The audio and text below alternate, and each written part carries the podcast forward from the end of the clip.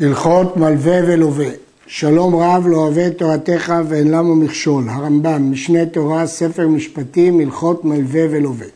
יש בכללן 12 מצוות, ארבע מצוות עשה ושמונה מצוות לא תעשה, וזהו פרטן. א', להלוות לעני ומח, ב', שלא יגוס אותו, ג', לנגוס את הנוכרי, ד' שלא ימשכן בעל חוב בזרוע, דהיינו לא יעקל לו את הרכוש תמורת החוב בכוח. ה' להחזיר המשכון לבעליו בזמן שהוא צריך לו, משכון שהבעלים נתן מיוזמתו להחזיר. ו' שלא יאחר המשכון מבעליו ועני בעת שהוא צריך לו, אם זה כסות יום ביום וכסות לילה בלילה.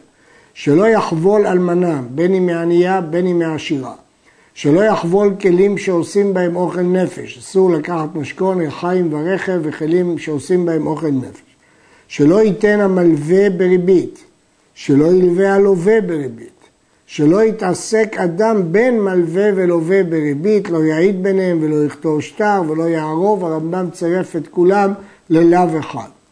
י"ב, ללוות מן הנוכרי ולהלוות לו בריבית.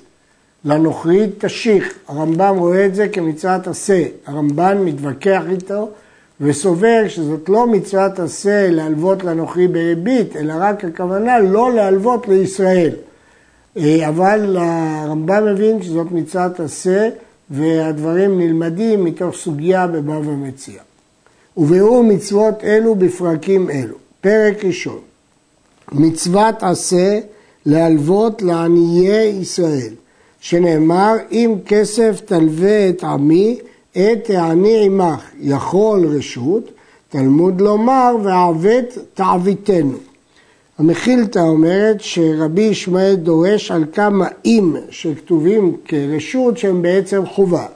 וכאן הסיבה שזה חובה, כתוב עוות תעביתנו. ומצווה זו, דהיינו להלוות לעני, גדולה מן הצדקה לעני השואל.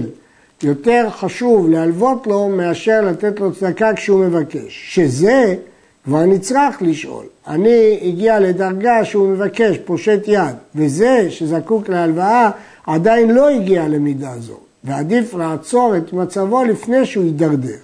והתורה הקפידה על מי שימנע מלהלוות לעני, שנאמר ורעה עינך באחיך האביון. כל הנוגס שאת העני והוא יודע שאין לו מה יחזיר לו. הוא הלווה לעני, הגיע זמן הפירעון, והוא יודע שאין לעני להחזיר.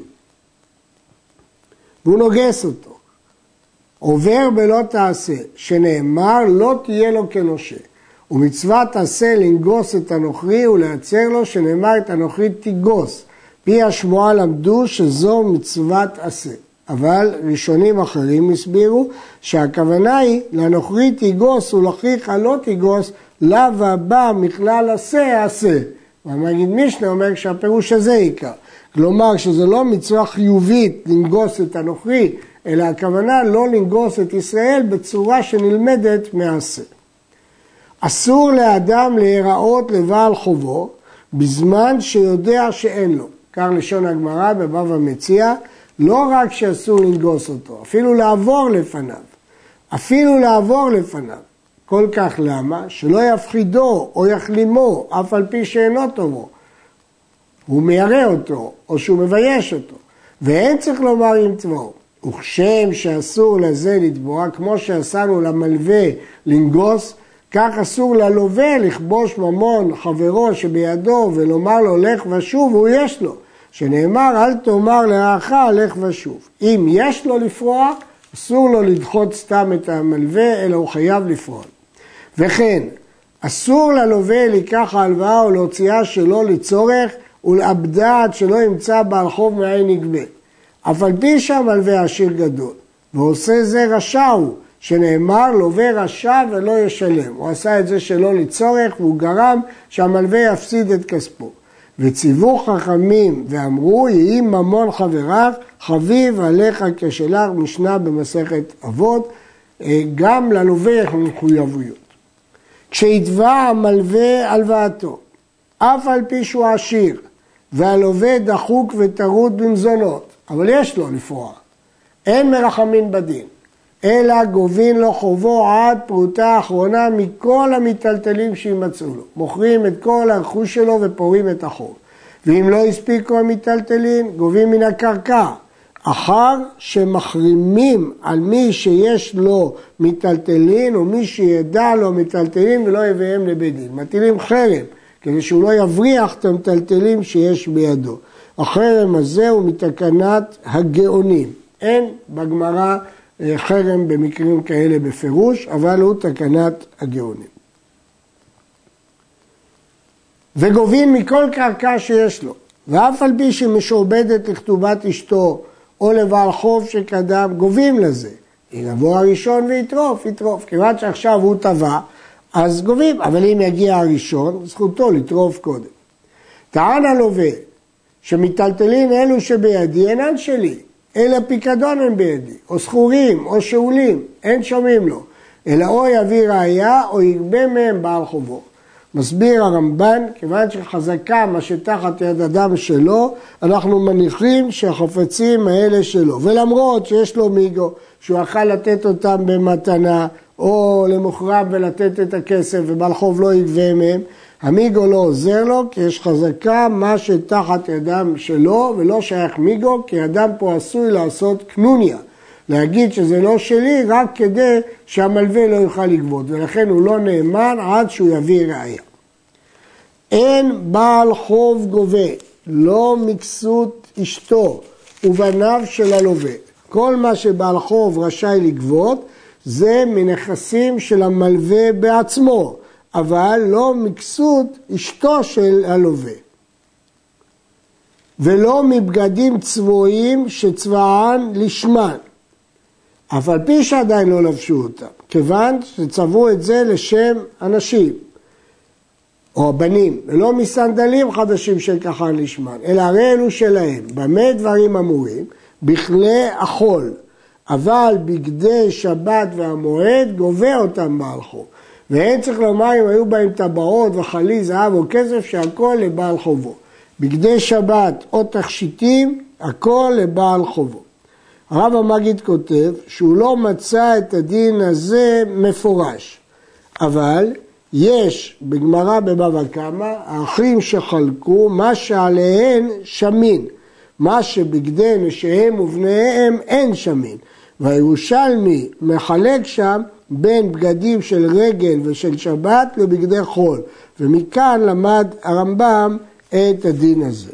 אבל יש שמחלקים ואומרים שלעניין חוב בין בבגדי חול, בין בבגדי שבת, אי אפשר להוציא מהם, כי זה לא יעלה על הדעת שיפשיטו אותם מבגדיהם.